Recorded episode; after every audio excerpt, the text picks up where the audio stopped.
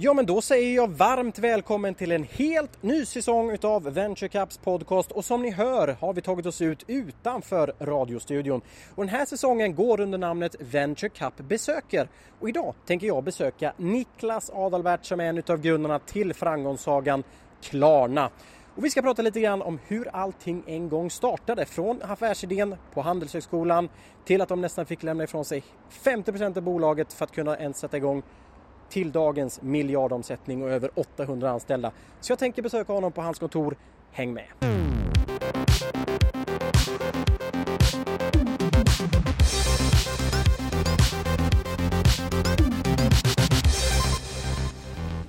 Hej!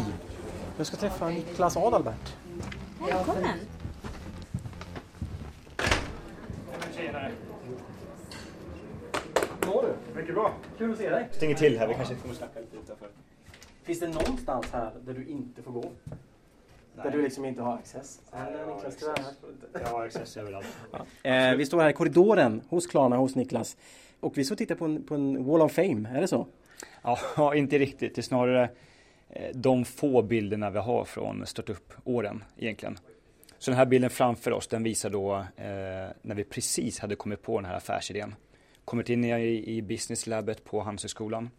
Och Handelshögskolan är ju delvis finansierat av näringslivet. Eh, och just det här året på den här partnerstämman på Handelshögskolan då hade de eh, gjort den här showen här, slags Draknästet-showen. Där då tre företag från labbet fick komma upp på scen, presentera inför den här prominenta juryn här. Det är, eh, ja, det är Wallenberg, PG Bruzelius, det är Stefan Persson från H&M.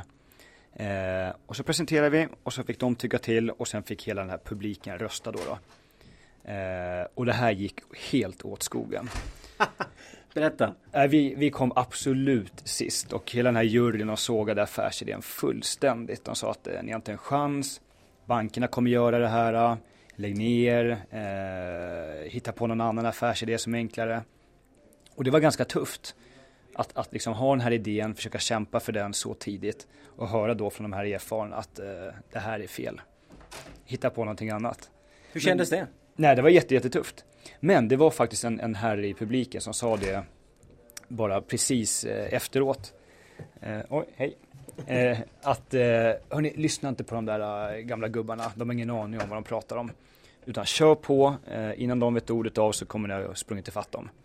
Eh, och det var väldigt värmande att höra det, att, eh, när man då hade fått det här tidigare budskapet. Vem, då är man nyfiken, vem var det?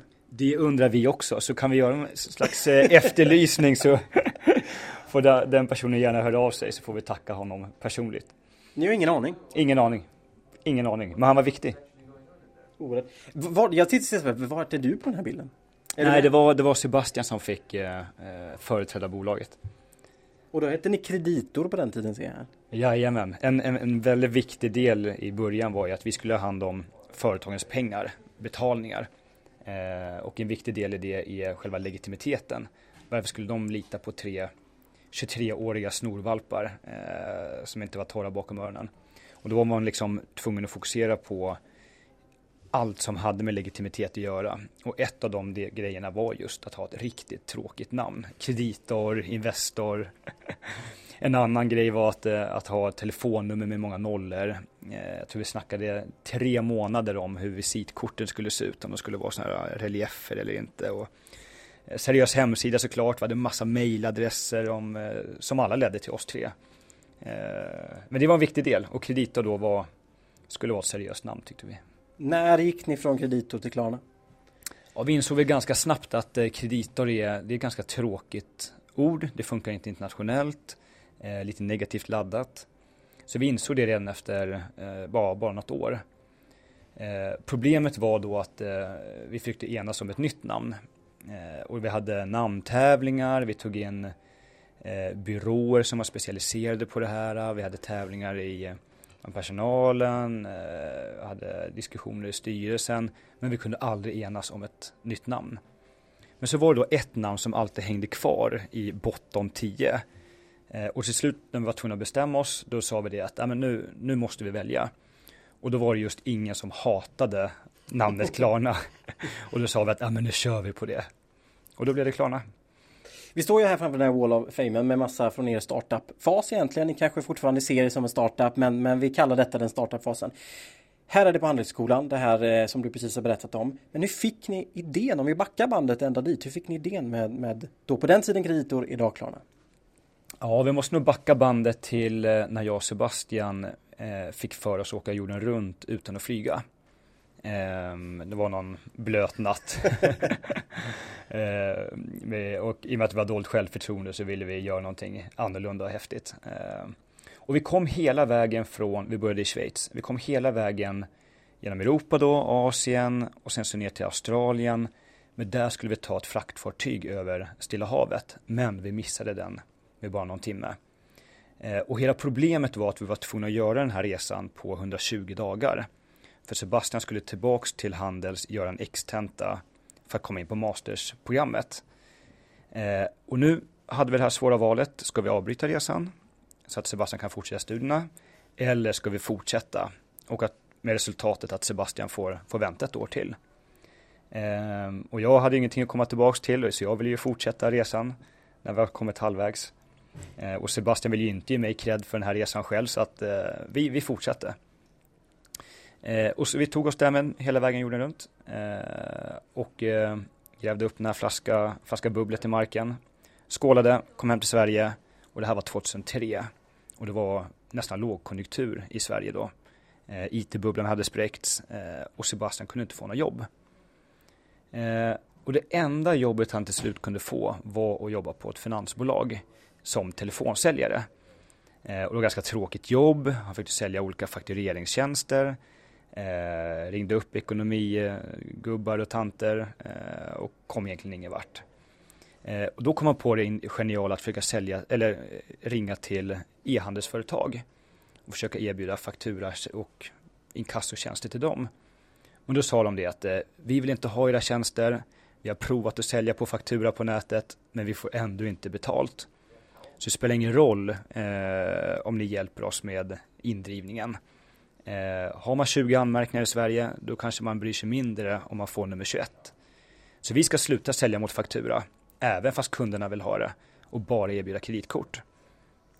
Och då tänkte Sebastian, hur kan man lösa det där? Eh, och kom på då att om man gör någon förenklad kreditprövning så kanske man kan köpa den här risken, köpa fakturan och sen ta hand om hela hanteringen kring den.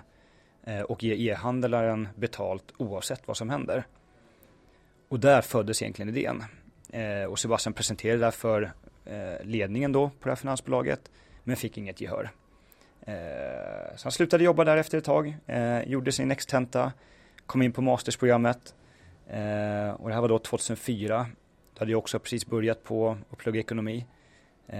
Och då presenterade Sebastian den här idén för mig och Viktor då, den tredje grundaren. Eh, och vi sa att ah, men, det här låter spännande, vi ger ett försök. Så egentligen hade vi inte missat det där fartyget över Stilla havet, då hade vi aldrig någonsin kommit på den här idén. Så allting är verkligen slump. Men då kan man säga att det är Sebastians idé det här? Ja det är det definitivt. Ja. ja jag är ingen idéspruta. vad, vad har din roll varit då från liksom start, första dagen? Ja, eh, allt möjligt. Jag har varit allt ifrån eh, säljansvarig till marknadsansvarig till riskansvarig till eh, teknikchef. Allt möjligt. Så uppenbarligen är väl att om man kollar bak att jag inte varit bra på någonting egentligen. Men det har gått ganska bra ändå. Ja, jag har haft duktiga medgrundare lyckligtvis. Eh, nej, så jag antar att min, min eh, stora kunskap har väl varit, eller eh, bidrag har varit att jag inte varit bra på någonting men varit ganska okej okay på allt möjligt. Så generalist. Ni var på Handels. Ni hade blivit sågade längs fotknölarna. Vi står kvar vid den här trevliga väggen tycker jag. Det funkade så bra att prata här. Eh, och det kom, hade kommit fram en man till er och ändå berömt er. Vad var liksom Vad var nästa steg? Ni hade ju liksom sågats. Och ändå hyllats av en man, okänd man i publiken som fortfarande är okänd. Vad, vad, vad, vad tänkte ni?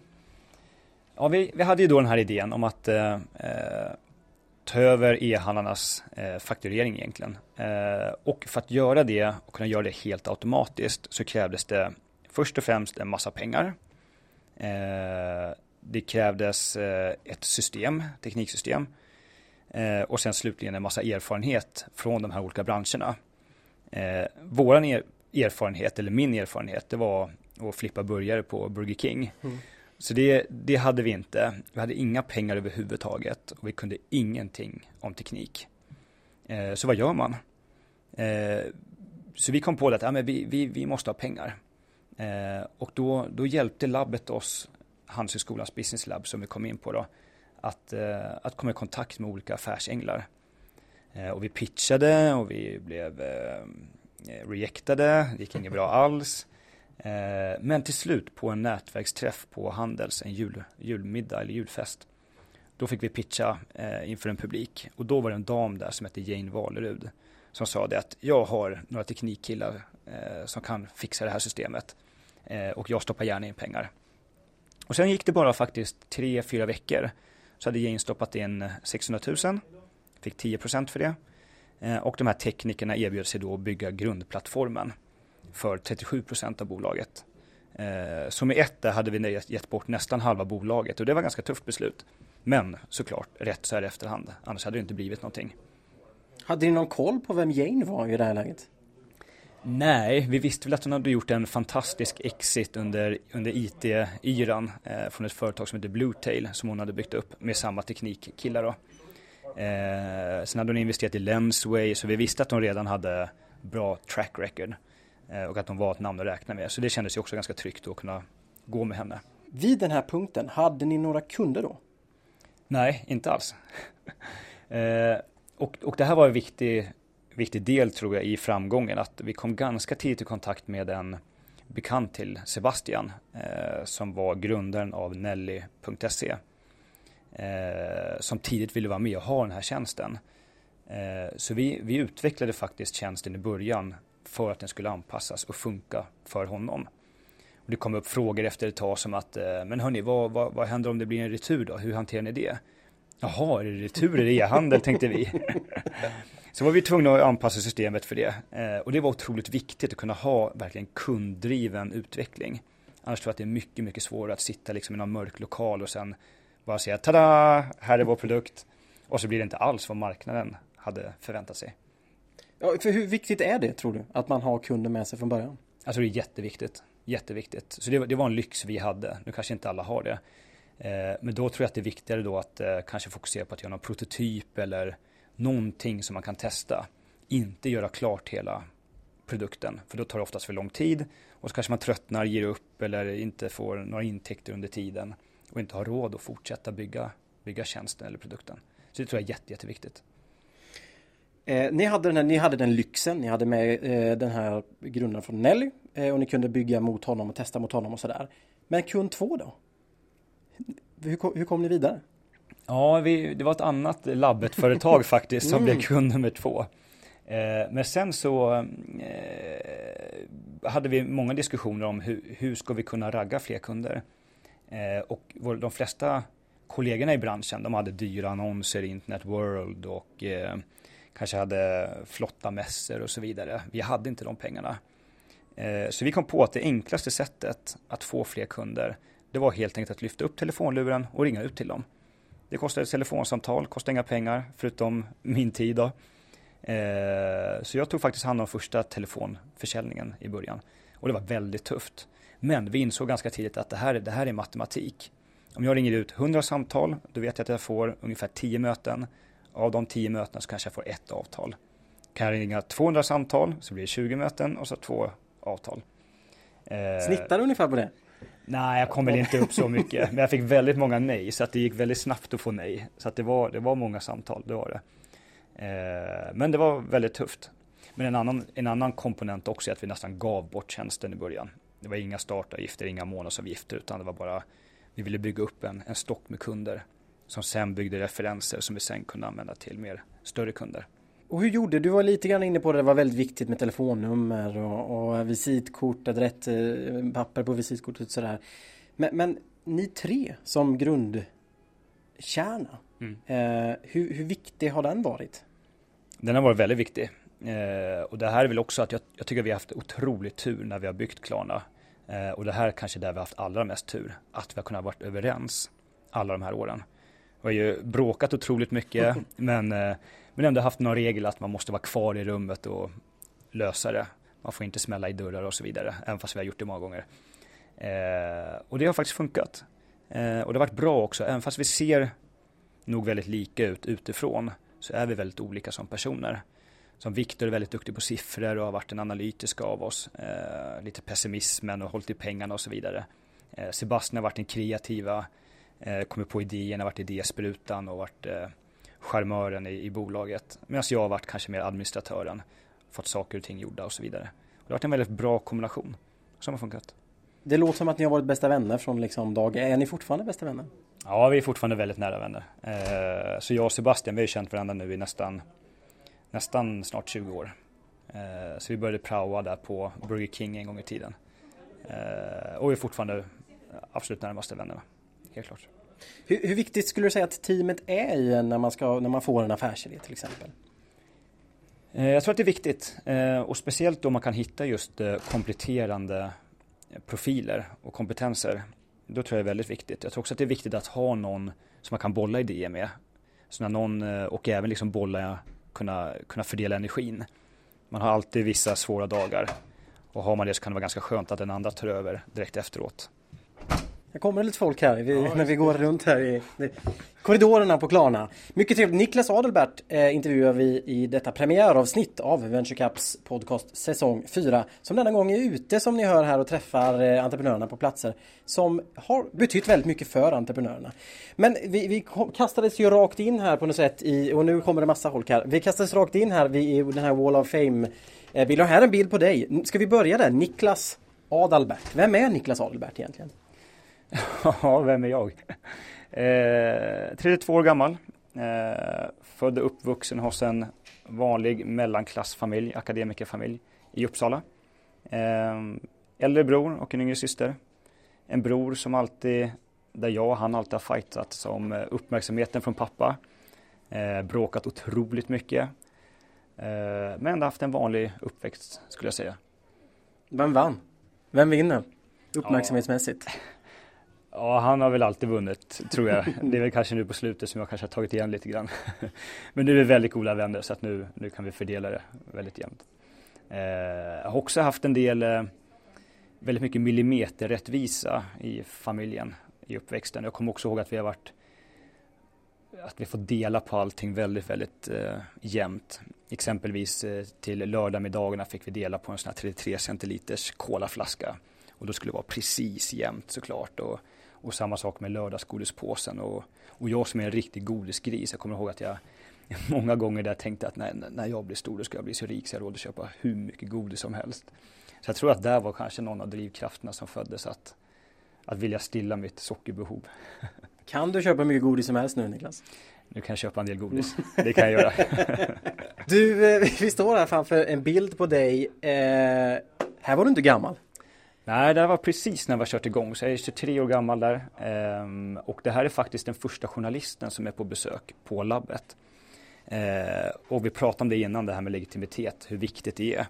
Så här gjorde vi allt för att se så seriös ut som möjligt. Så här ser ni min konfirmationskostym på här. Jag har lagt fram en konteringsstämpel här, en perm står placerad och vi har en, inte en världskarta men en Sverigekarta här i bakgrunden för att återigen se så stor ut som möjligt. Men nej, vi ser inte stor ut. det är som säger, ja, det är 23 år gammal. Ja, ja, exakt. Exakt.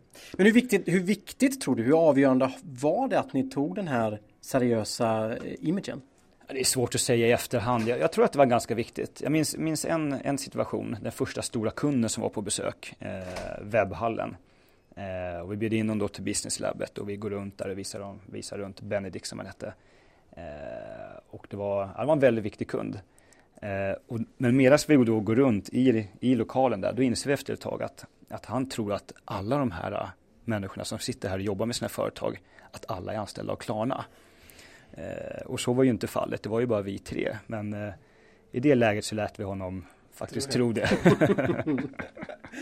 Du, vi pratade, du, kan köpa, du sa att du kunde köpa väldigt mycket godis. Det har gått väldigt bra för dig. Det har gått väldigt bra för Klarna. Men du pratade också om den här millimeterrättvisan. Har den haft någon, kan du känna av den nu i Klarna? Att du, har, du har med dig det? Ja, jag vet inte. Jag kanske snarare har utvecklat något anti-millimeterrättvisa. Nej, det är klart det ska vara schysst och det, det har vi nog både eh, vi alla grundare med oss, att allt ska vara schysst och rättvist och transparent. Så det, ja, en viss del har vi garanterat med oss. För vi pratade här eh, vid den tidigare bilden här på Wall of Fame-väggen eh, om just er tre grundare. Ni, var, eh, ni är och var bästa kompisar.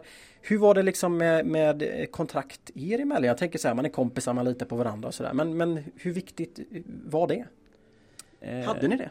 Nej, det hade vi inte. Eh, och vi, det var väl en anledning till att vi bråkade en hel del, att vi inte hade kommit överens om eh, arbetsbörda och så vidare. Eh, men det vi hade var att vi hade satt ambitionsnivån tillsammans redan från början. Att vi ville bygga någonting väldigt, väldigt stort.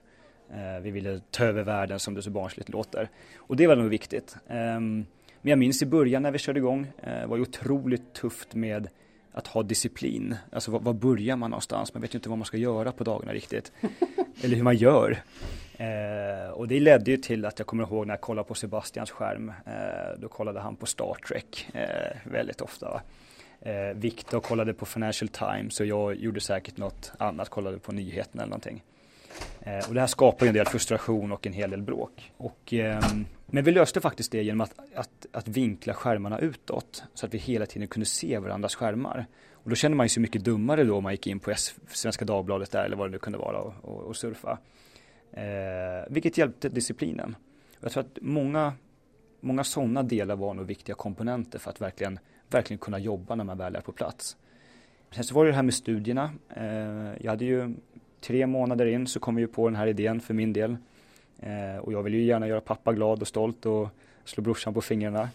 Eh, så jag fick ju springa iväg till klasserna helt kors och tvärs och det, det sänkte ju moralen också ganska mycket bland mina medgrundare. Så vi sa det att ja, men nu ligger vi allt annat på hyllan. Nu fokuserar vi järnhårt på det här och bara det här. Och det gjorde vi. När började ni bli lönsamma? Det gick väl ganska snabbt. Vi gjorde en förlust första året. Um, men vi blev lönsamma redan efter fyra fem månader blev vi cashflow positiv. Uh, eh, så det gick ganska snabbt faktiskt. Och vi, jag tror en anledning till det var nog att vi Ja, våra löner det finansierades via CSN bland annat. Det tackar vi CSN för. uh, för att vi kunde ta några poäng på sidan om så att säga. Så vi fick det leva otroligt, eh, otroligt snålt med alla kostnader. Har du tagit din examen Niklas? Det har jag gjort. Det har du gjort. Jajamän. Och det är nästan så att jag ångrar det för det var ett helsike att göra det parallellt med bolaget. Så efter, efter att ha kört igång Klarna då två år så då, så då började jag tillåta mig själv att ta poäng igen. Eh, men det var tufft. Och idag är ni 700 anställda. Eller vad är ni? Ja, vi är strax över 800 nu. Strax över 800. Mm. Jajamän. Och finns i, eh, rätta mig om jag har fel, åtta länder. Ja, exakt. Åtta länder har vi kontor i. Vilken resa! Det har gått åtta år, lite drygt då, sedan ni startade. Ja, det har gått ganska fort. Eh, men vi är fortfarande såklart en frustration att det inte kan gå ännu snabbare. Eh, och man fick ju hela tiden göra sitt yttersta för att lösa de här flaskhalsarna. Men det är, men det är svårt. När började ni känna då att det var liksom så här, men ni hade blivit sågade och ni blivit liksom och sen ändå ganska snabbt eh, lönsamt. När började ni känna att, ah, det är det här? Så här ska man göra, så här driver man företag. Fortfarande inte den känslan. det blir ju så, man sätter upp liksom sina milstolpar och allt det där va. Eh, men så innan man har nått dem precis, då sätter man upp nya och så glömmer man bort att man har nått en viss milstolpe som man tyckte var ball för ett år sedan. Eh, så vi känner väl fortfarande idag att vi kanske inte helt har lyckats bli ett globalt företag, att det finns så mycket kvar vi kan göra. Eh, och så mycket grejer vi kan förbättra i bolaget och även fler marknader att ta. Så att nej, vi känner inte det än faktiskt och har inte känt det och det är ju väldigt otacksamt av oss såklart. Fast samtidigt skönt låter det som också. Ja, skönt. Det skapar väl en viss drivkraft tror jag som gör att vi fortfarande är kvar i bolaget och, och kämpar varje dag. Det låter ju ganska mycket så här. Vi kollar på den första bilden här. Ni, har, ni är 23 år gamla. Du har din konfirmationskostym på er. Till idag. Du ser supersnygg ut. Du kan köpa mycket godis du vill. Eh, känns som att det har gått ganska friktionsfritt. Eller? Har det varit några misslyckanden? Ja, det har varit misslyckanden varje dag, varje år. Eh, så det har absolut inte varit friktionsfritt. Jag menar hur många gånger jag och Sebastian till exempel har smält i dörrarna och sagt att nu, nu aldrig mer att jag vill se det igen. Eh, så det har varit gråt och eh, allt möjligt. Så det har, det har varit, verkligen varit en berg och dalbana. Allt ifrån liksom rekryteringar som har, inte har har, varit, har gått rätt till. Eh, till eh, anställda som tyvärr har gått för tidigt som man inte kunde behålla för att de ville starta något företag eller någonting som varit nyckelpersoner. Eh, till att man inte haft någon insikt i systemutvecklingen utan helt och hållet tvingas förlita sig på alla andra duktiga medarbetare vi har. Så det har verkligen varit upp och ner. Vad skulle du säga är framgångsfaktorn för Klarna? Förutom tur då så är det väl att återigen ta in rätt medarbetare som får göra jobbet. Alltså fördelen med att göra någonting ganska komplext, vara i den finansiella industrin och vara 23 år gamla är att vi väldigt snabbt insåg att fan vi kan inte det här. Vi måste ta in folk som kan det här. Eh, vilket på något sätt att vi fick den ödmjukheten redan från början att ta in sådana som var mycket bättre än oss.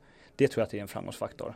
Jag tror också det här som vi nämnde innan med disciplinen att eh, att köra igång ett bolag det är precis som att plugga. Eh, är man inte i rätt miljö och har fokus då gör man allting annat än att plugga.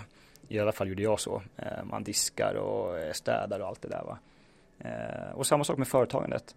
Så vi tvingade oss själva verkligen att försöka ha så mycket fokus som möjligt på bara en grej och bara det här. Och det har funkat. Jag och Sebastian vi, vi, hade någon idé om att vi skulle dra igång ett nytt bolag varje år men det, det gick inte så bra. Utan vi körde igång ett annat bolag bara året efter men det blev, det blev splittat fokus. Och det fick ingen bolag den attention det behövde ha. Vi pratade här om matematiken i att ringa kalla samtal. Eh, ringer man 100 så får man eh, träffa 10 och kanske få en kund. Hur är den statistiken idag?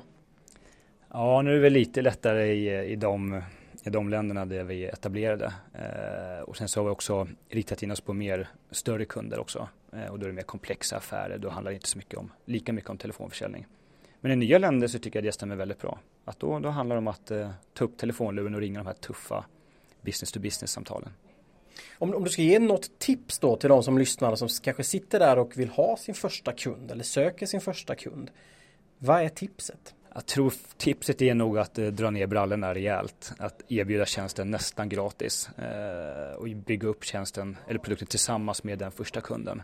Eh, så att de inte kan säga nej. Eh, för att sen kanske kunna tjäna pengar på framtida kunder genom att ha då den referenskunden. Det är nog mitt främsta tips. Du Niklas, nu vill jag se ditt kontor, hur det ser ut. Får jag göra det? Det får du jättegärna göra. Det är inte jätteimponerande, är vanligt rum, men absolut. Ja, härligt, vi, vi, vi kör på, vi går vidare här. Kollar i korridorerna på Klarna. Har du inget eget kontor Niklas? Nej, tvingas dela.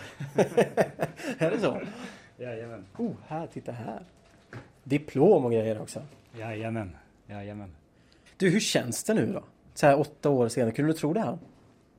Nej, det hade vi nog aldrig kunnat fantisera om tror jag. Eh, utan det känns jätteroligt såklart. Men återigen, att det, det, vi är väldigt dåliga på, på att fira framgångar tycker jag. Utan vi ser hela tiden till nästa utmaning.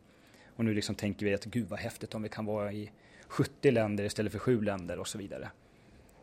Så det känns fortfarande som att vi är, vi är en startup på Klarna. Vi har bara börjat den här resan och vi har så mycket kvar att bevisa. Vilka sitter du med här? Vilka, du, det är ändå två, tre, fyra, tio personer i det här lilla rummet på 12 kvadratmeter eller vad är det? Ja, det är väl något sånt. Utan det här, här sitter vi i ledningen då. Eh, och här försöker vi sitta tillsammans en gång i veckan. Och sen så övriga dagar då ska vi sitta ute i själva organisationen. Eh, och det är väldigt bra att sitta tillsammans en dag för då kan man liksom bolla idéer och synka. Eh, så här sitter vi. Det, det, var inte så glamoröst som du sa. Jag hade förväntat mig ett stort gammalt mörkt träskrivbord och sådär. Ja, men det var fint. Ja, nej, jag, tycker, jag tycker det är viktigt att vara en, vara en förebild. Eh, ta, har jag den största skärmen på bolaget då vill alla andra ha samma stora skärm och så vidare. Har jag större skrivbord så vill alla andra också ha det. Men vi, vi kör precis som alla andra. Det ska vara så platt som möjligt och, och återigen rättvist som möjligt. Och, återigen. Där har du den, Mil ja, millimeter, millimeterrättvisan. Ja. det här är premiäravsnittet av Venturecaps podcast eh, och vi är ute på besök. Hur har det gått tycker du? Det har gått väldigt bra tycker jag. Det var trevligt att prata med dig, ja. som alltid. Mm. Om, om eh, jag skulle ringa dig, eh, eller jag, jag, jag har mejlat dig, jag har inte ditt telefonnummer, men jag har mejlat dig och det är också en väldigt kul sak. När man mejlar dig, då får man svar från två andra personer. Hur kommer det sig? Är det så illa? nej, det är väl för att jag kanske är, jag vet inte om det är att jag är lat eller inte hinner med, men jag, jag har en, en person som hjälper mig med min administration. Krävs det i din, där du är idag? Ja, jag har kommit fram till att jag blir effektivare. Eh, om jag kan få hjälp med det som inte kanske kräver min, min erfarenhet av Klarna så är det väldigt effektivt för bolaget. Så det funkar jätte, jättebra. Och Willem som jag har är helt makalöst bra. Min, åter, du, du går lite sidospår här med, med att jag får svar från två. Men om jag mejlar dig om fem år och säger Ska vi ta en intervju igen Niklas? Vad tror du att du är då? Ja, bra fråga. Eh, har det gått fortsatt bra så hoppas jag att vi, att vi är ännu större såklart. Eh, vi kämpar ju väldigt mycket med att växa bolaget varje år, så mycket som det bara går. Så förhoppningsvis så får, får du, blir du bara kopplad till max en person då. och att jag är tillgänglig. Och för det kommer jag alltid vara tillgänglig. Ja, vad fint. Ja, vad, fint vad fint. Du, nästa vecka så, så ska jag eh, åka och träffa Sofia Hagelin som är grundare utav bland annat Resfeber och idag driver hon Heart of Lovica. Om du fick ställa en fråga till henne, vad skulle det vara då? Jag tänker väl direkt att hur, hur gör man för att driva en så komplex tjänst som en resesajt? Eh, så det är väl kanske den frågan då. Eller hur gör man för att differentiera sin sajt, resesajt från alla andra aktörer på marknaden? Den frågan kan du ställa. Härligt. Och du, om du skulle få ha en drömgäst i Venturecaps podcast, vem, vem, eh, vem skulle det vara? Jag tycker grabbarna på Spotify är helt fantastiskt duktiga. Så antingen Martin eller Daniel vore väldigt roligt att lyssna på. Känner ni varandra? Ja, jag är lite kändis. Absolut. Har, har du Daniels nummer? Eh, jag kan nog gräva fram det till dig.